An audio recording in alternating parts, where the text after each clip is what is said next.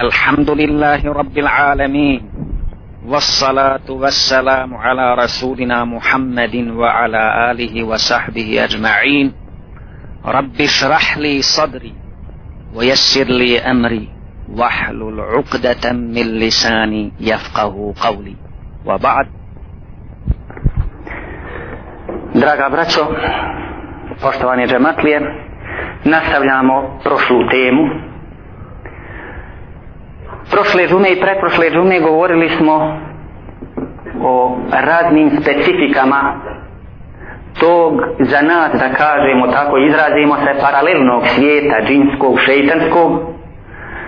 Pa smo završili sa specifikama o tom svijetu i zadnje što smo mogli reći od tih specifika kojima se odlikuje taj svijet je i to da oni ili taj svijet u izvjesnim momentima, izvjesnim situacijama, izvjesnim slučajevima napadaju ljudski rod. Vjerovatno sam kroz sve ove hutbe naveo jedan od hadisa, ako nisam ponavljam ga, ili dio tog hadisa ću ponoviti, u kome Ebu Sa'id al-Hudri između ostalog kaže na završetku jednog hadisa u kome se pripovjeda šta se desilo sa jednim mladićem koji je došao u kući, a žena ga čeka van kuće, je sva usplahirana, ne čeka ga u kući kao što je bio običaj, pa on hoće da je ubije sa kopljem koje je nosio, pa ona kaže, pogledaj šta je u kući prvo. Pa kada ulazi u kuću, vidja na svojoj bračnoj postelji veliku nekakvu zmijurinu i ne razmišljajući baca koplje na tu zmiju. Pogađa je i kaže se u hadisu, završava se taj hadis, lem jedri ejuhuma kjane esra'u mevtem min sahibih el hajje emil feta. Pa kaže, ne zna ko je prije umro, ko je prije preselio, da li ta zmija koja je bila pogođena tim kopljem ili sam taj mladić koji je bacio to koplje. Znači, iz ovoga se izvati zaključak da su džini ti koji napadaju ljudski rod i mogu čak da izvrše smrtnu kaznu. Postoje razni vidovi džinsko-šetanskog djelovanja na čovjeka. Pa da malo kroz kuransko-hadijske tekstove protestirimo i protumačimo tu meselu, dakle o istinitosti džinsko-šeitanskog djelovanja na ljude ili ljudsku vrstu i liječenje, načini liječenja. Prije svega u Kur'an se kaže i spominje se da postoji mogućnost djelovanja šeitanskog i džinskog na čovjeka. Vi znate da je u islamu zabranjena kamata. I to, I to je jedan od teških harama. Pa kada Allah Đelešanu govori o kamati i govori o zabrani te kamate i govori i prijeti onima koji budu jeli takav imetak, budu jeli i uzimali kamatu, nije to u smislu jede samo, nego uopće uzmaju tu kamatu i koriste se kamatom, kaže se da na sudnjim danu neće ustati drugčije nego kao čovjek koga šeitan udari. Znači to se tako spominje u Kur'anu. Alladine jekulune riba, la jekumune illa kema jekumu alladhi yatakhabbatuhu šeitanu min al mes. Kaže, oni koji budu jeli kamatu, neće ustati na sudnjem danu ili biti proživljeni, osim kao onaj koji ustaje i bude proživljen kao da je udaren od strane šeitana, znači kao lud. Pa prema tome ovo je kuranski citat koji nam govori o tome da postoji taj šeitansko-džinski mes ili dodir ili udar koji je u stvari kada ga gledamo mi sa strane vid bolesti da gotovo čovjek koji je udaren tim šeitanskim ili džinskim mesom izgleda kao lud. Što se tiče, dakle, kuranskih citata, dovoljan nam je ovaj citat da nam potvrdi istinitost džinsko-šeitanskog djelovanja na čovjeka. A sada vidimo par hadisa ili par slučajeva koji se prenose od Božih poslanika sallallahu alaihi wa sallam iz kojih nepobitno također izvlačimo delil i dokaz šeitansko-džinskog djelovanja na čovjeka. Pa kaže prenosi se an Nafar ibn Abdirrahman il-A'naq قال حد حدثتني أم أبان بنت اللاجع بن زارع بن عامر العبدي عن أبيها أن جدها الزارع انطلق إلى رسول الله صلى الله عليه وسلم بابن له مجنون أو ابن أخت له. قال قال جدي فلما قدمنا إلى رسول الله صلى الله عليه وسلم المدينة قلت يا رسول الله إن معي ابنا لي أو ابن أخت لي مجنونا. Prenosi se dakle lanac prenosilaca ide do toga da jedna žena priča da je njezin djed to je e, kraj tog lanca vezuje se za Božijeg poslanika. Poslije toga kaže da su došli do Božijeg poslanika u Medini pa je djed rekao Božijem poslaniku Božiji poslaniče sa mnom ima sin ili po drugom rivajetu ili ima dijete od moje sestre koje je ludo.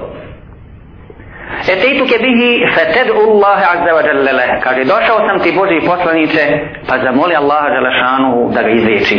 Kal, i'tini bihi. Pa Boži poslanik kaže, dobro, dovedite ga. Fantalektu ilaihi vehuve fir rikjab, fa atlaktu an. Pa kaže, vratio sam se onima ostalima sa kojima sam došao i oslobodio sam ga. Dakle, vjerovatno je bio vezan taj, znači bio je vjerovatno takvim, s takvim ponašanjem kao da je bio lud. والقيت عنه ثياب السفر والبسته ثوبين حسنين واخذت بيده حتى انتهيت به الى رسول الله صلى الله عليه وسلم فقال kaže zatim sam skinuo sa njega odjeću putničku odjeću naime putovao u jednoj odjeći pa sam ga kaže obukao u lijepu čistu odjeću uzeo sam ga za ruku i došao sam Božem poslaniku sallallahu alaihi wa sallam pa je rekao idnihi minni vajal zahrahu mimma jelini قال فأخذ بمجامع ثوبه من أعلاه وأسفله فجعل يضرب ظهره حتى رأيت بياض إبطيه Kaže, pa je Boži poslanik rekao, prikučite mi ga. Okrenite mi njegova leđa. Pa kaže, onda je uzeo s gornje strane odjeće i sa donje strane odjeće. A zatim je, kaže, počeo da ga udara po leđima na takav način, jako i snažno, kaže da smo mi vidjeli E, E, bijelinu ispod pazuha Božeg poslanika koliko je udarao tog bolesnika. Vajakul govoreći uhrub adu Allah. E, govorio je Boži poslanik usto što je tuka ovoga izlazi Boži neprijatelju. Uhrud adu Allah. Izlazi Boži neprijatelju. Fa akbala yanzuru nazara sahih. Lejsa bi nazarihi l-awwal. Pa kaže, nakon izvjesnog vremena kaže, taj, to dijete, kaže, počelo je da gleda normalno. Nije, kaže, bilo više u onom njegovom pogledu onoga priješnjeg, onog ludila i onog. Suma akadehu Rasulullah sallallahu alaihi wa sallam bejne jedej, fa da'ale, fa mesaha vajhe. Felem jekun fil vefti ehadun ba'de davati Rasulullah sallallahu alaihi wa sallam yufaddalu alaihi. Kaže, i onda mu je Boži poslanik primakao ga sebi, okrenuo ga sebi i počeo da dovi i moli Allahu Želešanu, pa mu je potrao po licu. I kaže iza toga kaže u čitavoj toj grupi koja je došla nije bilo kaže čovjeka koji je bio bolji i ispravniji od njega. Izraeli iz samog hadisa sami hadis se prenosi i kaže se u ocjeni ovoga hadisa i ove koja prenosi hadis od svoga djeda kaže se da ovaj hadis dobija prolaznu ocjenu odnosno da se može smatrati hadisom i da je od Božeg poslanika sallahu alaihi wa sallam. A iz samog hadisa se da zaključiti da šeitansko djelovanje na čovjeka može biti takvo kao da je čovjek lud. Izgleda lud. A u isto vrijeme da se primijetiti i to da se može liječiti kao što liječio Boži poslanik čak i udaranjem. I da se zaključiti i to iz ovoga hadisa iz ove priče ili pripovijesti da je šeitan bio taj koji je bio unutar tijela tog djeteta. Zaključuje se to iz riječi Božeg poslanika kad kaže uhruđ adu izlazi neprijatelju Boži izlazi. Znači bio je unutra. Znači izlazi iz nečeg što je unutra. U jednom drugom hadisu također ovo navodimo kao primjere i delile i dokaze iz kuransko-hadijskih izvora dokaze i delile koji govore o šeitansko-dinskom djelovanju na ljudsku vrstu. Pa u jednom drugom hadisu se kaže an ja'li an ja'la ibn Murre kal رأيت من رسول الله صلى الله عليه وسلم ثلاثا ما رآها أحد قبلي ولا يراها أحد بعدي kaže Ja'la ibn Murre je rekao vidio sam od Božeg poslanika troje to kaže nije niko vidio prije mene ni poslije mene kaže lekad haretu fi seferin hatta iza kunna bi ba'di tariq mararna bi mra'atin džalise, ma'aha sabiyun laha faqalet ya rasulallahi hada sabiyun asabahu bala wa asabana minhu bala juhazu fil yawmi ma adri kam marra Kaže, izašao sam sa Božijim poslanikom na jedan put, krenuli smo i kaže, kad smo prolazili kroz jedno mjesto, kaže, kad pored puta žena sjedi i sa njom dijete. Pa je rekla, Boži poslanice, kaže, ovo dijete ima i pogođen je belajom nekakvim. Ta isti belaj pogađa i nas. Kaže, nekoliko puta dnevno to se dešava. Al, navili njih, فرفعته إليه فجعلته بينه وبين واسطة الرحم ثم قأر فاه فنفس فيه ثلاثا وقال بسم الله أنا عبد الله اخس عدو الله ثم ناولها إياه فقال kaže pa je rekao Boži poslanik toj ženi dodaj mi to dijete podigla sam ga kaže vjerovatno Boži poslanik jahao pa kaže Boži poslanik mu je otvorio usta pa zatim puhnuo tri put u ta usta ili možemo reći ono kao kad se pljuca, ali nije pljucanjem. puhno u usta tri put rekavši Bismillahena Abdullah u ima Allaha Đelešanu ja sam rob Boži učuti ili, ili smiri se ili u tom smislu Boži neprijatelju. Zatim je vratio djete toj ženi rekavši Elkajna fir rebati fi hadal mekjan fa ahbirina ma fa'al kaže poslije kad se budemo vraćali kaže sretni se sa nama i kaže nam šta se desilo dalje sa djetetom vidjeli smo iz početka hadisa da žena kaže da njega pogađa taj belaj u jednom danu puno puta ne znam ona koliko puta i ne samo da dijete pogađa nego od djeteta i ostali pa kaže Boži poslanik kad je završio s tim vidom liječenja kaže mi kad se budemo vraćali nastoj da nas susretneš i da nam kaže šta će biti poslije toga. Kal fe zehebna wa rajana Prepovijeda ovaj prenosilac hadisa kaže otišli smo mi svojim putem i poslije se vratili. فوجدناها في ذلك المكان معها شياه ثلاث فقال ما فعل صبيك فقالت والذي بعثك بالحق ما حسسنا منه شيئا حتى الساعة واجتزر هذه الغنم kaže Vratili smo se i našli smo tu ženu na istom mjestu. Međutim, sa tom ženom kaže i tri ovce. Pa pita Boži poslanik tu ženu, šta je sad u međuvremenu radilo to dijete, taj sabi? Kaže, Boži poslaniče, tako mi onoga koji te poslao sa istinom. Ništa više od njega nismo primijetili da ima problema. Do ovoga momenta. Uzmi, kaže, ove ovce. Pa je rekao Boži poslanik, inzil, kale enzele, evo inzil huz minha wahidatan wa reddil baqije, pa kaže se da je Boži poslanik naredio jednom, ovo me je prenosio od hadisa, siđi, dakle vjerovatno jahao, siđi, uzmi jedno od tih ovaca, a ostalo vrati ženi. Ovaj hadis se prenosi također, između ostalog prenosi ga Tabaranija i prenosi ga Ahmed ibn Hanbal koji prenosi ovaj hadis i na drugi način u drugom rivajetu i u ovom drugom rivajetu se kaže da je to rivaja ili lanac prenoslaca tog hadisa vjerodostojan, što znači da je hadis vjerodostojan i prenosi se od Božeg poslanika. U drugom u drugom rivajetu ili na drugi način pripovijeda se isti hadis, pa se kaže, a to pripovjeda sad Ahmed ibn Hanbal sam, ovdje se prenosili drugi, pa kaže, prenosi se čitav lanac opet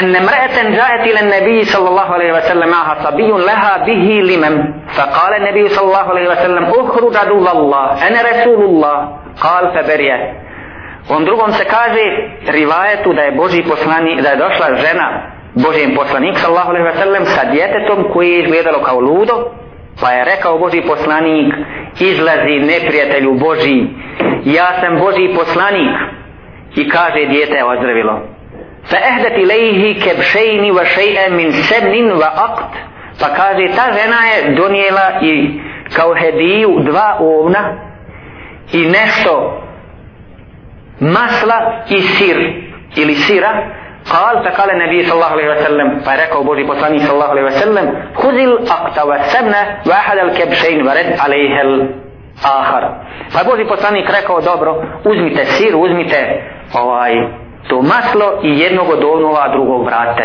kod nje hadis prenosi Ahmed ibn Hanbel A Hejseni koji daje ocjene ljudi koji prenose hadis kaže da su vjerodostojni prenosioci ovoga hadisa. Iz svih ovih hadisa možemo zaključiti, a također iz kuranskog citata koji sam nalao, može se zaključiti da postoji šeitansko džinsko djelovanje na čovjeka. A znamo svi hadis u kome se kaže, a to prenosi Safija, žena Božeg poslanika, a to je vjerodostojan Božeg poslanika sallallahu alejhi ve sellem, to je vjerodostojan hadis koga prenosi oni je najvjerodostojniji prenosioci kao što su Buharija i Muslim, kaže se u tom hadisu inne šeitane jedri min ibni Adame medvedem kaže šeitan kola po ljudskom tijelu isto kao što kola krv. Dakle čo su njegovi putevi prema tome šetani, džini mogu djelovati na ljudski rod E da li je onda, draga braćo, liječenje od šeitansko-džinskog dodira uzakonjeno i ušerijačeno? Da li je to dozvoljeno? Vidjeli smo iz ovih primjera koje smo navjali, ovi hadisa, da i Boži poslanik sallahu alaihi wa sallam liječio vidjeli smo načine na koje je liječio Boži poslanik sallahu alaihi wa sallam. Također se prenosi da sahaba da su to radili. Sjećate se onoga primjera, navodili smo ga ovdje, da Abdullah ibn Mas'ud također liječio, a to je jedan od ashaba, učeći Kur'an i da je Boži poslanik posle kada su mu kazali kako on to radio, da je Boži poslanik to dozvolio i rekao da je u redu. Također se prenose i slučajevi najvećih imama i najvećih islamskih učenja kada su oni to radili. Pa se prenosi posebno od Ahmed ibn Hanbala, od ibn Tejmije i tako dalje, da su oni liječili i način na koji su oni liječili. Posebno je interesantan slučaj Ahmed ibn Hanbala.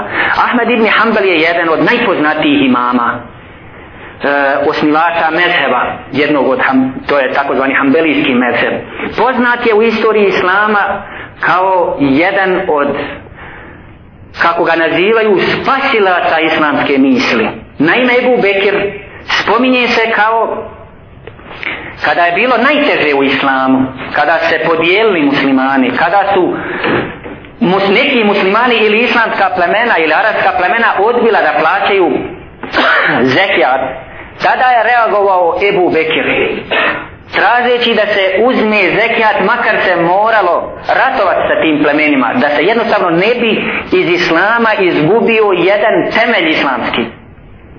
I spominje se Ebu Bekir kao jedan od najpoznatijih ljudi koji je napravio nešto za islam koji je učinio nešto što niko drugi nije uradio. Znači spasio jednostavno islam Božijom pomoć e tako se prenosi za Ahmed ibn Hanbala naime bila jedna poznata mesela u islamu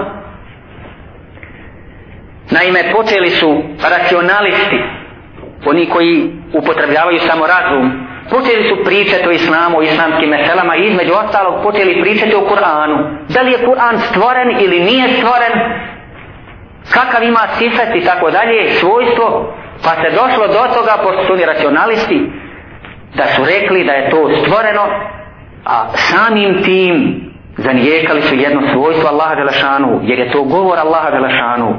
Jedini koji je dosljedan ostao tome da je to kao i sifet Allahu Đelešanu nešto što nije stvoreno, što je vječno, je Ahmed ibn Hanbel.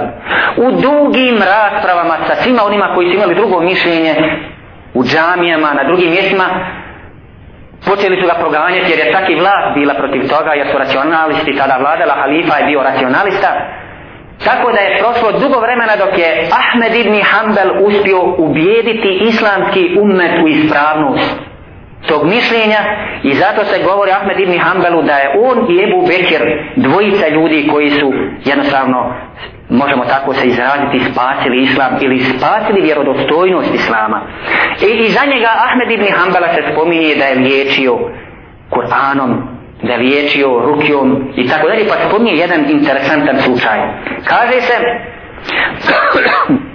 prenosi jedan prenosilac kaže kuntu fi mesid Ebi Abdillah Ahmed ibn Hanbal فانفذ إليه المتوكل صاحبا له يعلمه أن له جارية بها صرع ويسأله أن يدعو الله أو أن يدعو الله لها بالعافية فرد له أحمد نعلي نعلي خشب بشراك من خوص للوضوء فدفعه إلى صاحب له ثم قال له تمضي إلى دار أمير المؤمنين وتجلس عند رأس هذه الجارية وتقول له. يعني للجن. قال لك أحمد أيما أحب إليك تخرج من هذه الجارية أو تطفى بهذا النار السبعين kaže bio sam u mesidu gdje je bio Ebu Abdillah ili Ahmed ibn Hanbal pa kaže bio mu je poslat od halife jedan čovjek koji mu je primio vijest da jedna djevojka ili jedna robinja da se desilo da je ona poludila i traži od njega da dođe i da moli Allaha Đelešanu da izliječi ovu ženu. Pa je Ahmed ibn Hanbal jednostavno potegao i uzeo dvije nanule kojima se uzma abdest pružio to onome glasniku i rekao idi sa ovim nanulama kući halifje sjedni kod glave te djevojke i samo reci reci njemu ne reci djevojci, nego reci njemu, znači reci džinu koji je u toj djevojci. قال لك أحمد أيما أحب إليك تخرج من هذه الجارية وتصفى بهذا النعل سبعين Kaže i reci, rekao ti je Ahmed, koje voliš?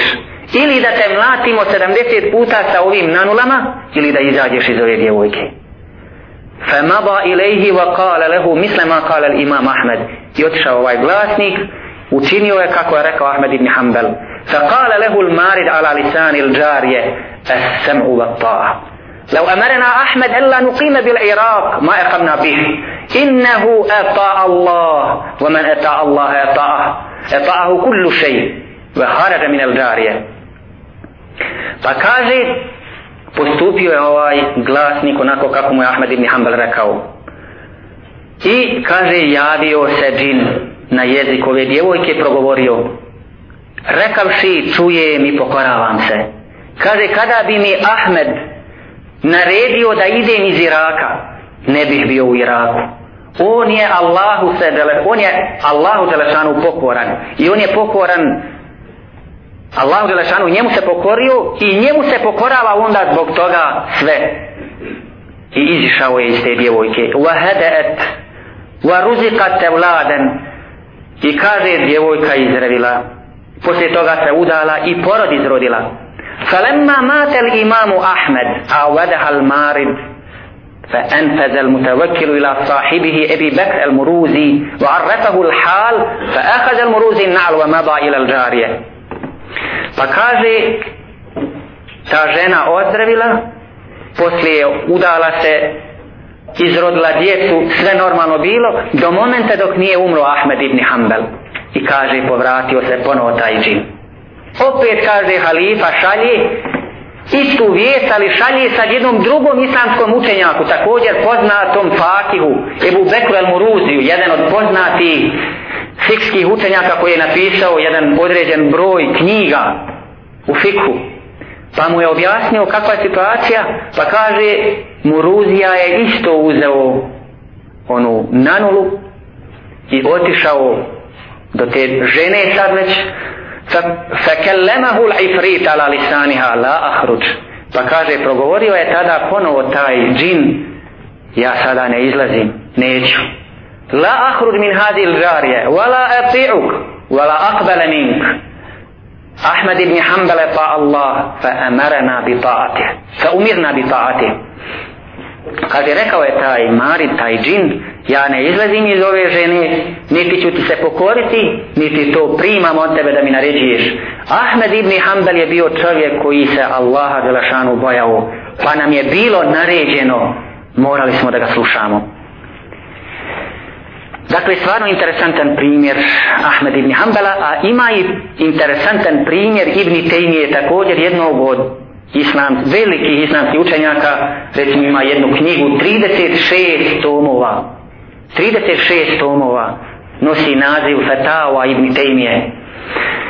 Pa se prenosi kako je on liječio, također jedan slučaj, ولقد عالج شيخ الإسلام ابن تيمية الصرع وتكرر منه كثيرا كما يحكى كما يحكي تلاميذه تلميذه ابن, ابن القيم فيقول شاهدت شيخنا يرسل إلى المسروع من يخاطب الروح فيه ويقول قال لك الشيخ kaže prenosi se od Ibn Tejmije da je on liječio također ove koji su udareni džinskim djelovanjem i šeitanskim prenosi njegov učenik Ibn Qajim kaže znao bi poslati nekoga i reći poručiti tome džinu rekao ti je i poručio šejh uhruđi fa inne hada la jahillu lek فيفيق المسروق وربما خاطبها بنفسه وربما كانت الروح ماردة فيخرجها بالضرب فيفيق المسروق ولا يحس بألم وقال شاهدنا نحن وغيرنا منه ذلك مرارا وكان كثيرا ما يقرأ في أذن المسروق أفحسبتم أنما خلقناكم عبثا وأنكم إلينا لا ترجعون kaže znao bi poručiti Ibn Tejmije ponekom tom džinu ili toj nekakvoj zloj duši izlazi jer ti to nije dozvoljeno pa kaže onaj koji bi bio u tom delirijumu koji bi bio u tom haletu takvom kao da je lud kaže desilo se jednostavno da bude izliječen.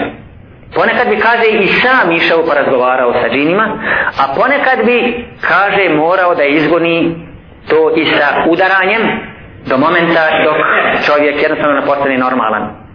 A s tim udarao ga je, kaže, a ovaj nije osjećao bol. I kaže, to smo puno puta gledali, priča ovaj njegov učenik.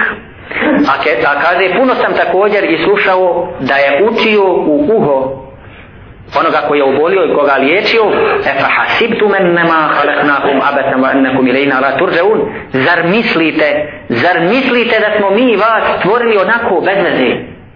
I da nam se nećete povratiti? Zar to mislite?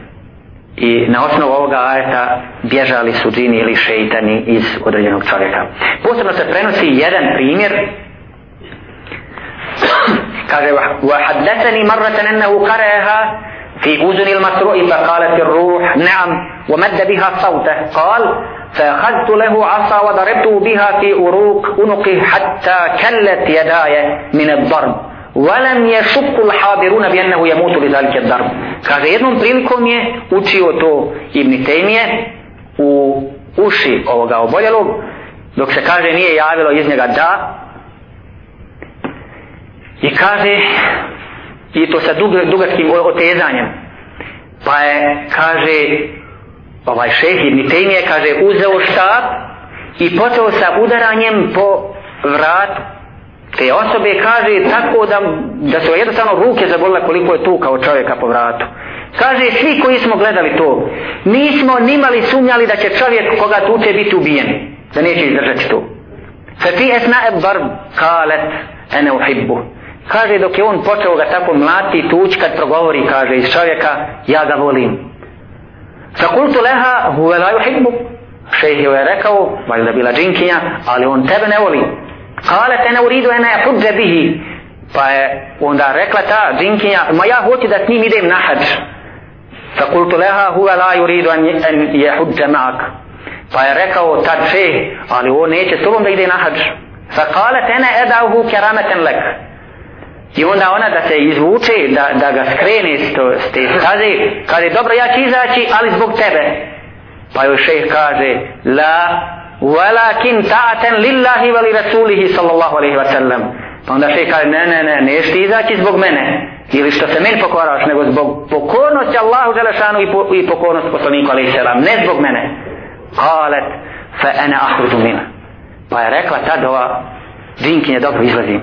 Kal, fe qadel masru, jel tepitu jeminen ve šimalen, ve pa kal, ma da bi ila hadrati šejha kaže i probudio se čovjek okrenuo se, počeo se okretati oko sebe, desno i lijevo, I onda rekao, otkud ja ovdje pred šejhom? Kalu lehu bahada dar kulluhu. Pa ga pitaju, a zar se ne sjeća svega onog udaranja koje si primio? Fa kal, gara, ej šejhin ja dribuni šejh velem uznib. Pa on sad našao se kao u neobranom grozu pa pita, zbog čega me je šejh tuko? Ja ništa nisam uradio. Valem ješur bi ennehu vaka bihi darbel bette. Uopće nije osjećao da je bio tučen. Dakle, Kuransko-hadijski tekstovi govore o tome da postoji to džinsko-šeitansko djelovanje. U isto vrijeme, Boži poslanik vidjeli smo da je liječio od toga. Također liječili su jashabi, a također i veliki islamski učenjaci liječili su to na islamski šerijatski način. Znam da li imamo vremena da nastavimo ili ćemo ovdje prekinuti pa inša Allah nastavite ovu temu da ne bismo ovaj, previše odužili. Uz molbu Allahu Đalešanuhu da budemo od onih koji će sprovoditi šerijatske odredbe i naredbe, kloniti se Allahovi Đalešanuhu zabrana i time biti u jednom sigurnom stanju sa jednim sigurnim oklopom sa kojim će moći da ima kao nekakvu preventivu od svih tih džinsko-šeitanskih djelovanja. Amin, ja rabbala. Draga braćo, nastavljamo prošlu temu gdje govorimo o šeitansko-džinskom djelovanju na ljude, na insane i liječenju od toga učenjem Kur'ana i učenjem dova upućenih Allahu Đalešanuhu. Došli smo do mesele ili pitanja se tiče uzroka šeitansko-džinskog djelovanja na čovjeka. Ti uzroci mogu biti sljedeći. Da se djeluje na čovjeka, na insana od strane džina i šeitana iz razloga pohote, iz razloga želitbe ili ljubavi. Dešava se, kako sam već napomenuo, čak i brak između ili bračni odnosi između ljudi i džina pa čak kako smo naveli primjer i s time se slažu da je to tako islamski učenjaci čak kaže da se i djeca izrode mada to ulema pokuđuje većina tog džinsko-šeitanskog djelovanja koje se dešava na insanima jeste iz razloga mržnje ili iz razloga kazne. Kao ako se desi kojim slučajem a dešava se nenamjerno da neko od insana učini iz ezijet džinu pošto su oni nevidljiva bića. Sjećate se da smo jednom navali hadis u kome se kaže da neko od vas ne E, pomokri se u rupu negdje što znači da su oni u takvim sličnim ovaj da ih nazovemo stanovima za njih, jer je to vide zijeta za te džine ako su tu slučajno, pa ima hadis u tom smislu, pa kaže ako se desi da čovjek na takav način e, zijeti tog džina, ili prosipanjem recimo vrele vode, dešava se i to čovjek u svojoj kući postupa, ne zna on šta se sve oko njega nalazi, a ima prava u svojoj kući da radi šta hoće da prosipa vodu i slično pa kaže ako se desi nenamjerno na takav način da je zijeti džine to je jedan od uzroka da se oni pošto su kaže veliki zulumčari i džahili zbog toga svete i to je također jedan razlog ili sebep djelovanja džina na ljude. A također još jedan sebep jeste i taj da oni to rade iz dosade iz lobe jednostavno besposlenjaci nekakvi i čine to iz dosade i zlove. Što se tiče ovih prvih uzroka djelovanja džinskih i šetanskih na ljude, koje sam naveo da budu iz pohote, želitbe ili ljubavi, u liječenju to se mora objasniti, pojasniti e, samom džinu da je to haram, da je to zinalu, kako se čini, čak i kada su oni koji to rade složni da to urade, a pogotovo onda ako se to radi način e, uz nepristanak recimo insana da to radi sa džinom, njima se objasni i pojasni da je zulum i da je to zinaluk i da je to haram i da je to zabranjeno po islamskim propisima ne samo za ljudsku, insansku vrstu, nego također i za džinsku. Što se tiče ovih drugih uzroka, ako se desi nekakav vezijet od strane čovjeka džinu, a on to uradi nenamjerno, onda se također pojasni prilikom liječenja tom džinu, da je to bilo nenamjerno, da onaj koji učini tako nešto je zije takav ne zaslužuje kaznu jer je on činio nenamjerno pogotovo ako se to desilo u njegovoj kući gdje se on može ponašati kako hoće dakle reče se džinima također da ljudi imaju pravo na to vlasništvo svoje a da oni nemaju paja tako da se izrazim u tom vlasništvu pa prema tome dakle ne bi trebali da se na takav način svete ako im se desi nekakav zijet na ovakav način. Ako to rade iz dosade i zlobe kao besposlenjaci također obavijeste se o Allahovom Đelešanuhu azabu ili njegovoj odredbi i naredbi da se čini dobro i hajra da se zabranjuje zlo pa se djeluje na njih na takav način ubjeđujući ih da je zlo i zulum nešto što je Allah Đelešanu zabranio i ne smije da se dešava. Kaže su Kur'an Azimušan o opomeni وَمَا كُنَّا مُعَذِّبِينَ حَتَّى نَبْعَثَ رَسُولًا Mi nismo bili od onih koji će činiti kaznu, koji će kažnjavati, dok nismo poslali glasnika, dok nismo poslali poslanika koji će objasniti to. A u drugom ajetu kaže Ja mašar al džin wal ins. Alam jetikum rusulum minkum Jakussuna alejkum ajati Wa yunzirunakum nikae jevmikum haza Obraća se Kur'an ili Allah Đelešanu u Kur'anu. Džinima i ljudima Kaže, zar vam nisu došli poslanici koji su vam pripovjedali ajete moje i opominjali vas o mom susretu ili o susretu jednog dana sa mnom. Dakle, takvi, ako ima ih koji iz dosade i zlobe kao besposlenjaci, čini zlo, čini ezijet i pravi bolesti ljudima na takav način, dakle, pojasni im se da je to haram, da to ne smiju da rade i da to ne trebaju da rade, jer kako vidimo kroz ove ajete da Allah Đelešanu ne kažnjava nikoga prije nego što mu pošalje one koji će ga opomenuti na takvu kaznu. Size svega ovoga je Dakle, da djelovanje na ljude od strane džina i šetana može biti međusobna ljubav, može biti nepravda ili zulum ili jezijet, bilo da se radi o čovjeku njima ili obratno i to je jedan siže tih uzroka zbog koji se dešava šeitansko džinsko djelovanje na čovjeka. Što se tiče također ove zadnje kategorije ezijeta ili zuluma koje čine džini ljudima, oni to ne mogu uraditi osim u određenim situacijama. Kao ono što smo puno puta čuli ovdje za vrijeme liječenja, kad su bili oni na šejhovi, mogu to uraditi ili ući u čovjeka ili djelovati na njega kada je on u velikom strahu, kada je u velikoj srđbi, kada je u velikoj apatiji ili gafletu ili kad je u velikom nekakvom zadovoljstvu. Simptomi džinsko-šeitanskog djelovanja na insana su sljedeći. Naime, to je vid bolesti tog šeitansko-džinskog dodira kao i druge bolesti ima svoje simptome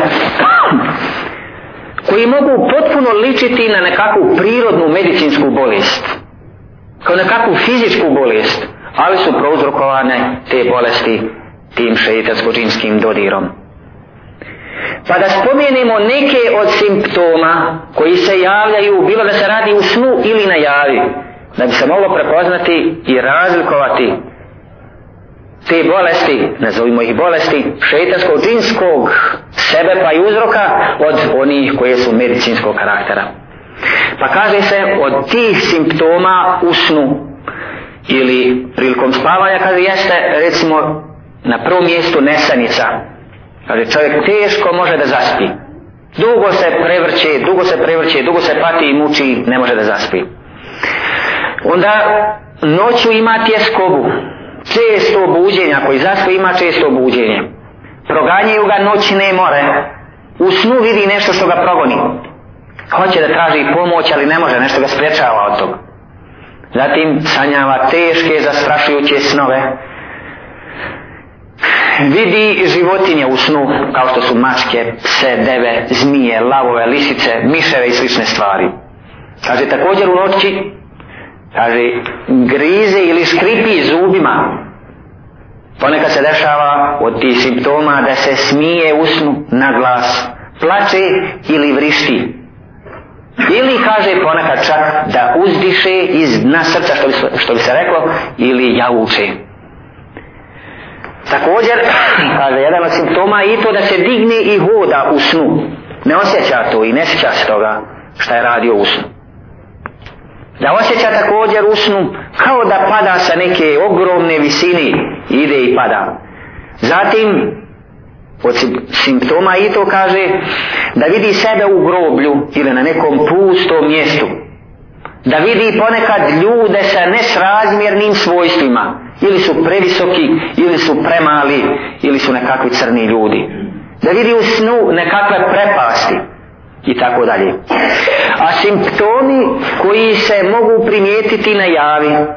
Kaže jeste i to jedna od stvari i ta da je glavobolja, nekakva stalna teška glavobolja kojoj nisu uzroci medicinske prirode. Zatim, također od tih simptoma koji se javljaju na javlje i to kaže da se okreće taj čovjek od spominjanja i zikira Allaha Želešanu. Nešto ga navodi na neki krivi put, nešto ga odvraća od toga. Ne može jednostavno da sjeća Allaha Želešanu da ibadeti nešto ga sprečava u tome. Zatim isto kaže, pojavljuje mu se takva situacija da je u nekakvoj stalnoj odsutnosti duha. Onda, kao da je lijen, mlitav, trom, i ima nervne krize, kočenje, bolove u nekim dijelovima tijela, koje medicina ne može da liječi, pa često izvrši sve pretrage moguće savr, sa savremenim tim medicinskim aparatima i ne pronađe se ništa.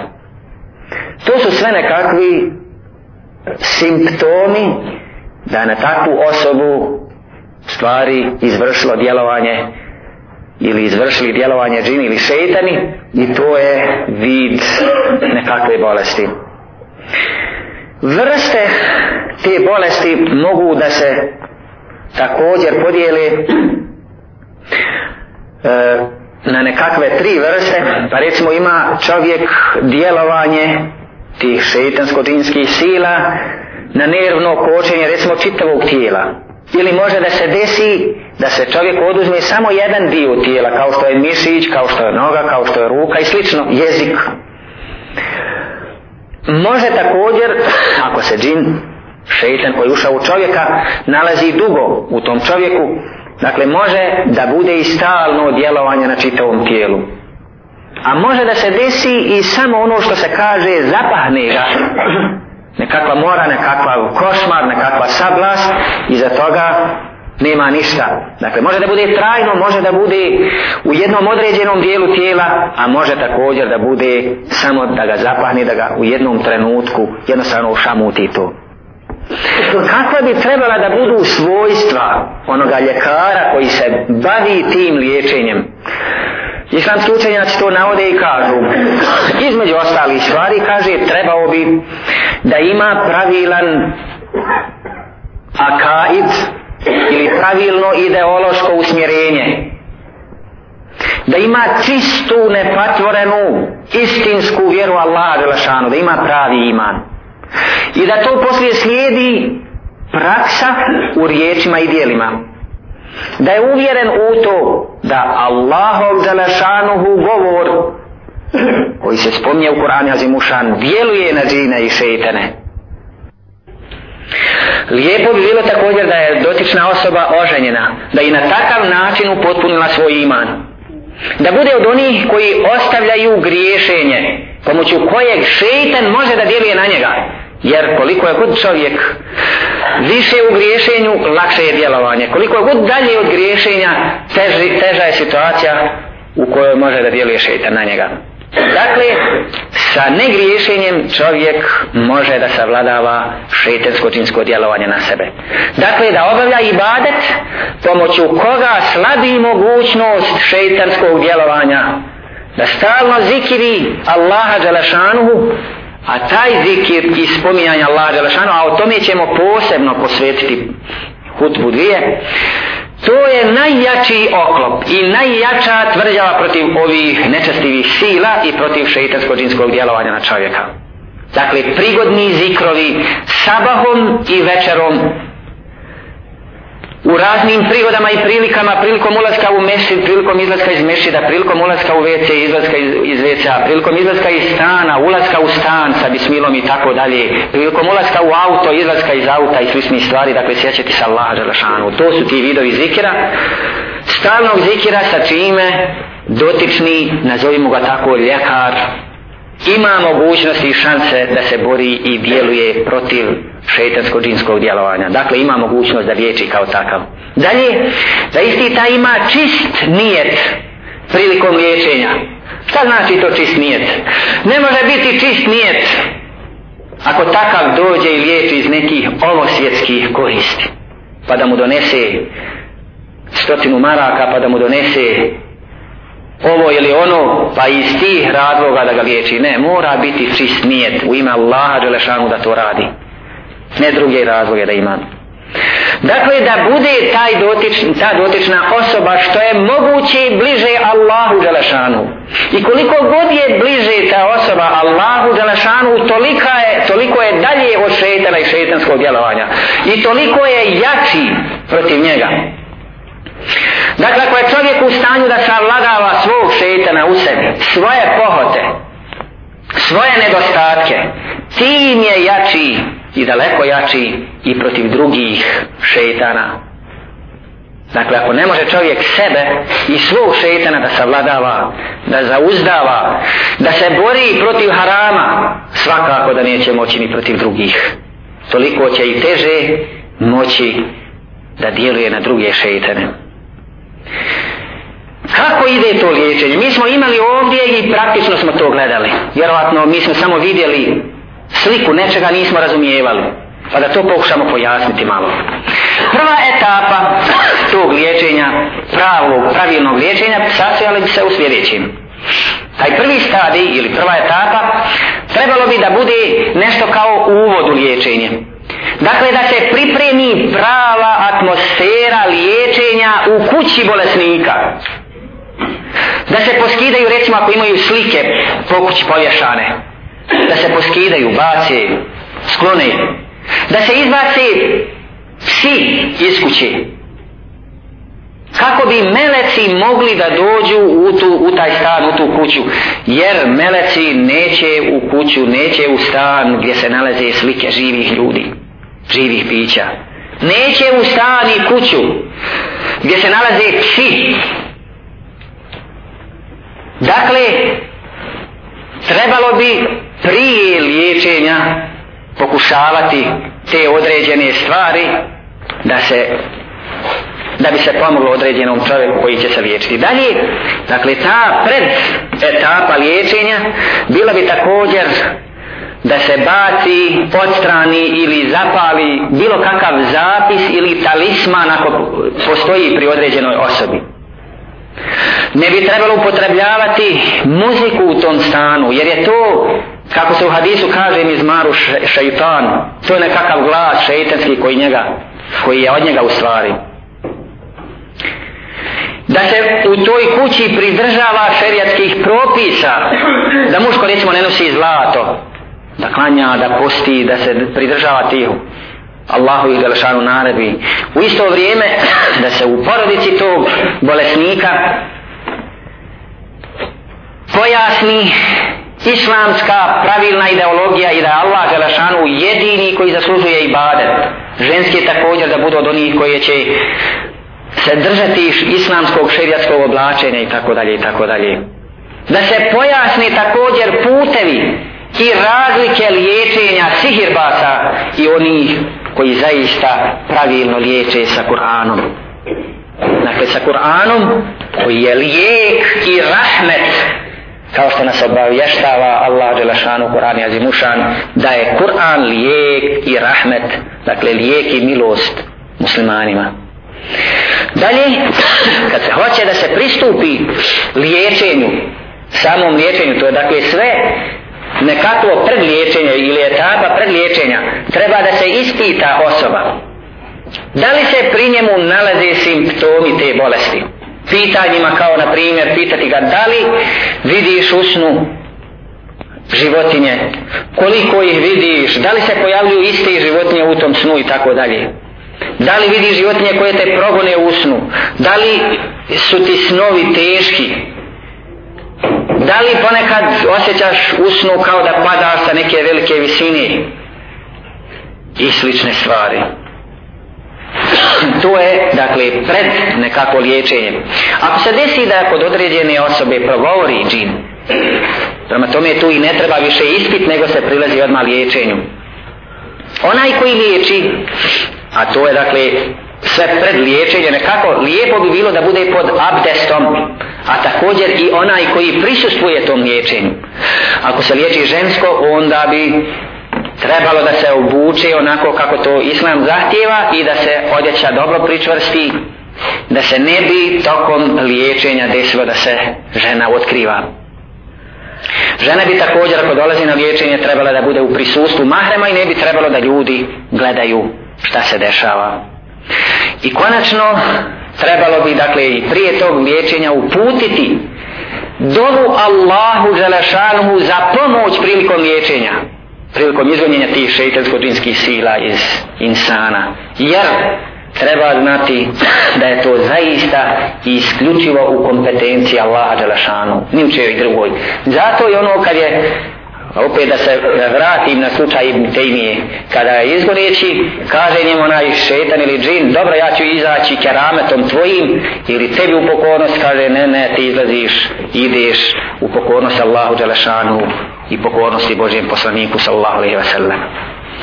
to je taj prvi stepen početak liječenja. To je nekako predliječenje. Samo liječenje ovdje smo gledali draga braća puno puta. Drugi stepen je dakle koji ste, koji ste imali ovdje svi e, da gledate praktično i vjerujem da su mnogi gledali ja ću samo navesti ovaj ukratko koji se ajeti ili sureta uče prilikom tog liječenja pa se počinje recimo sa surom El Fatiha pa onda sura El Bakare od prvog do petog ajeta pa se ona preskoči pa se uče od 163. do 164. ajeta također u Bekaret, pa onda od 255. do 257. Pa onda od 285. do 286. pa se pređe na suru Ali Imran, 18. i 19. ajet, pa onda surat Al-Arab, 54. 56. ajet, pa surat Al-Mu'minun, ajet 115. do 118. pa surat Al-Safat od 1. do 10. ajeta, pa surat Al-Ahqaf od 29. do 32. ajeta, pa surat Al-Rahman, 33. do 36. ajet, pa surat Al-Hashr, 25. 21. do 24. ajeta, pa onda suratul džin, prvi do 9. ajet, pa onda sure kul huvalla, sure kul euzbrabil feleki, sure kul euzbrabil nas, da to ne ponavljam i da e, te ajete ne citiram jer bi to uzelo sigurno čitavu hutbu. Oni koji žele, dakle, mogu pogledati značenje tih ajeta u prevodu Kur'ana da vide na šta se odnose. Sa ovim ajetima džin koji je djelovao na čovjeka se ili otjera ili natjera na dolazak da se pojavi da bude prisutan.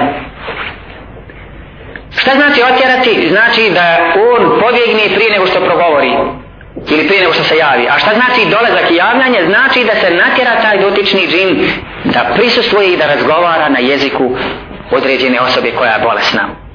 Nijet odluka u svemu ovome moraju biti čisti draga braćo. Dakle, za onoga koji liječi njegov nije bi morao da bude u skladu sa riječima poslanika, alaihi selam također. On je svemu ne da prikaže nešto, da pokaže nešto, ne. Trebao bi, dakle, da bude iskuto ima laža na šanu, a Boži poslanik kaže nemojte željeti susret sa neprijateljem. La tatamannau liqa al aduv Prema tome ne traži se tu prilikom tog liječenja da on tebi dođe, da pristuje s tobom, da razgovara s tobom, ne. Cilj je da on pobjegne, da on ode i da se izliječi određena osoba. Pa prema tome ne želi se tu njegov dolazak, ali ako ne pobjegne prilikom učenja tih ajeta, onda se traži njegov dolazak i počinje razgovor sa njim. Ako čin do, ako džin dođe, šetan dođe, kako to prepoznati kod određene osobe? Može se poznati po sljedećim simptomima. Prvo ima zatvorene oči i kad pokušaš da mu otvoriš oči, ne možeš mu otvoriti oči. Ili krajevi oči u trepere. Ili stavlja ruku na oči i ne želi gledati. Također drhti čitavim tijelom kod nekih osoba to se tako dešava dok kod drugih ima lagano podrhtavanje udova bilo da se radi o rukama ili o nogama osjeća jednu teš, teškoću u tijelu ponekad urla i kriči. A ponekad izgovara svoje ime. Kako ide i teče taj dijalog i kako treba voditi dijalog sa tim džinom? Treba ga pitati prije svega za ime za vjeru za razlog ulaska i djelovanja na određenu osobu. Treba ga pitati također da li je sa njim još neko tu? Da li radi sa sihirbasom koji ga je podčinio sebi i nastoji zlo učiniti toj određenoj osobi. Pitati ga također u kojem dijelu tijela stanuje i tako dalje. Kako se ponaša sad sa džinom koji je mu kuma jer sjećate se kad smo govorili o specifikama tim tih šeitansko-džinskih sila. Rekli smo između ostalih stvari da mogu biti muslimani, da mogu biti kršćani i raznih drugih ideologija nevjernici i tako dalje. Kako se postupa sa muslimanom? Ako je musliman i prihvati da je musliman postupa se onda sa njim metodom privole ili zastrašivanja. Dakle postupaš sa njim na osnovu razloga ulaska u određenu osobu. Ako je razlog ulaska u osobu nepravda, zulum, insana koji je učinio tom džinu, a nije znao, onda mu se pojasni da su oni nevidljivi, da čovjek nije imao namjeru učiniti nikako zlo njemu, nego da se to desilo iz neznanja. I zato ne zaslužuje kaznu tu koju mu je taj džin pripremio na takav način da uđe u njega.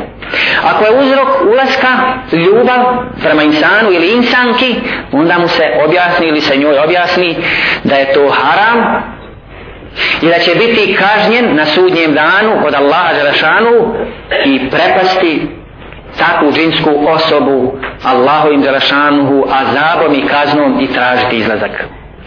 Ako je uzrok njegov zulum, dakle toga koji je ušao i nepravda prema insanu, onda mu se pojasni kakav je kraj za zulumčare. Draga braćo, mi znamo na ovome Dunjaluku, nije bilo zulumčara, a da nije doživio na Dunjaluku nekako poniženje na koncu, na kraju.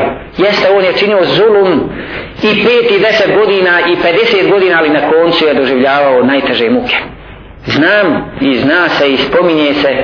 U sredstvima javnog informisanja da sve ove svjetske zulumčare znali su se raspadati mjesecima pa čak i godinama u najboljim klinikama bilo da se radi u njihovim zemljama ili zemljama naprednim u tom medicinskom smislu, ali bivali su kažnjavani još na Dunjaluku, a šta ih tek očekuje na Ahiretu.